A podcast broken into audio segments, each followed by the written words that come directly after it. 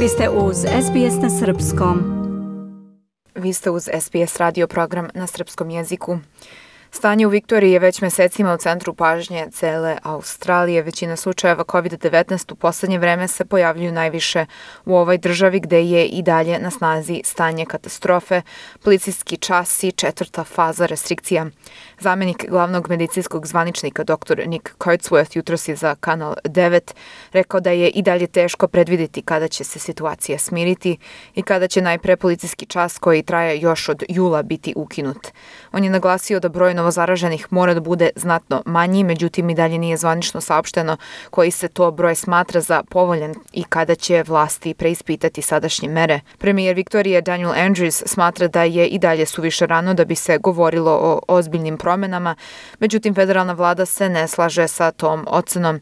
Ministarstvo zdravlja Viktorije danas je potvrdilo 73 nova slučaja virusa korona, što je najniži broj novozaraženih u jednom danu još od 3. jula kada je u ovoj državi zabeleženo 66 slučajeva.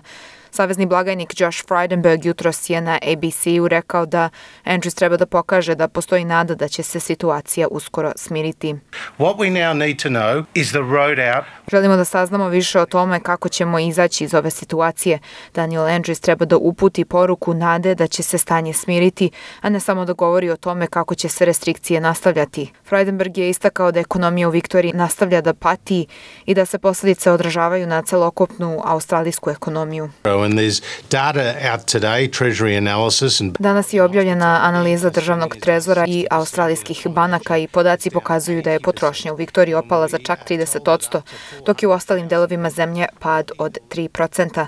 U ugostiteljskom sektoru potrošnja je pala za 60%. Od 100 turizam trpi gubitke i do 80%. Rečeno nam je i to da će do 400.000 ljudi ili izgubiti posao ili će im biti smanjeni radni sati. Ako ovi brojevi nisu dovoljan razlog za Daniela Andrewsa da napravi neki plan i da nam detaljnije objasni stvari, ja stvarno ne znam šta još treba da se desi, rekao je Freidenberg za Kanal 9. A Daniel Andrews je izjavio da nije poenta u pravljenju novih planova svakih nekoliko sedmica, nego u uspostavljanju dugoročnog normalnog načina života u uslovima covid i da njegova vlada zbog toga insistira na sporom i postepenom popuštanju restrikcija. gradually working and finding Postepeno radimo na tome da ustanovimo šta znači živeti normalno u novoj COVID situaciji i onda ćemo zajedno sarađivati da to postane svakodnevni život, a ne plan koji se menja svakih par nedelja. Ovo se neće rešiti za mesec dana, bit će potrebno mnogo više vremena. To je naš plan i govorit ćemo detaljnije o tome u nedelju, jer svaka dodatna sedmica prikupljanja podataka mnogo znači. U severozapadnom delu Melburna proteklog vikenda je došlo do sukoba policije više od 30 demonstranata koji su izašli na ulice da protestuju protiv policijskog časa. Uglavnom su to bili mlađi muškarci, a policija je grupu rasterala i trenutno se sprovodi istraga. Međutim, na društvenim mrežama se govori o daljim protestima, jer demonstranti tvrde da se bore za svoj zdrav razum, za mentalno zdravlje i ljudska prava. Zabrinutost zbog posledica restrikcija na mentalno zdravlje jutros je izrazio i zamenik premijerke Novog Južnog Velsa John Barilaro koji je naglasio da će ekonomska kriza rezultirati i gubitkom života. I dok se suočavamo sa smrtnim ishodima zbog zdravstvene krize, mene brinu smrti izazvane ekonomskom krizom. Brinem se za one koji će izgubiti posao, kuću. Brinem se zbog mentalnih problema i mogućih samoubistava. To su problemi sa kojima ćemo se součavati ne samo danas, već i u narednim mesecima i godinama. Iako je zdravstvena kriza ozbiljna, ekonomske posledice su takođe zabrinjavajuće i tu mora da postoji balans, rekao je Barilaro. U Novom Južnom Velsu novi slučajevi COVID-19 su pre svega povezani sa javnim prevozom u Sidneju. Dva slučaja su potvrđena u gradskom autobusu, nakon čega su svi putnici stavljeni u izolaciju.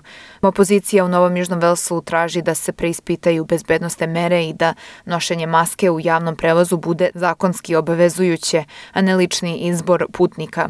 Jerry McKay, lider laburista u ovoj državi, kaže da zbog toga što vlada Novog Južnog Velsa izbegava da uradi nešto konkretno po pitanju maski, sada dva cela autobusa puna ljudi su stavljena u opasnost i moraju dve nedelje biti u izolaciji kod kuće. Premijerka Novog Južnog Velsa Gladys Berejiklian istakla je danas da ne želi da stanovništvu pošalje pogrešnu poruku o maskama. Ona strahuje da će ljudi, ukoliko maske budu obavezne, pomisliti da su 100% zaštićeni i da bi tako mogli da dovedu sebe u još rizičniju situaciju. What we don't want is thinking they can wear a mask and go out and conduct their business because that won't work. Ne želim da ljudi pomisle da mogu da rade sve normalno ako nose masku, jer to ne funkcioniše tako. Ukoliko imate COVID ili simptome bolesti, čak ni sa maskom ne možete izlaziti iz kuće. Čak i sa maskom ste zarazni. Ne želim da ljudi zbog maski čekaju da se testiraju jer misle da su bezbedni, već znamo da ljudi prosečno čekaju dva dana nakon što osete simptome da se testiraju. Još jednom vas molim, nemojte čekati, testirajte se i izolujte se što pre, naglasila je premijerka Novog Južnog Velsa. A sve informacije vezane za COVID restrikcije u Australiji možete naći na našoj web stranici Posetite sbs.com.au kosacrta Serbian u specijalnoj rubrici Virus korona. Ostanite uz naš program. Dajte like, podelite, komentarišite. Pratite SBS Serbian Facebook profil.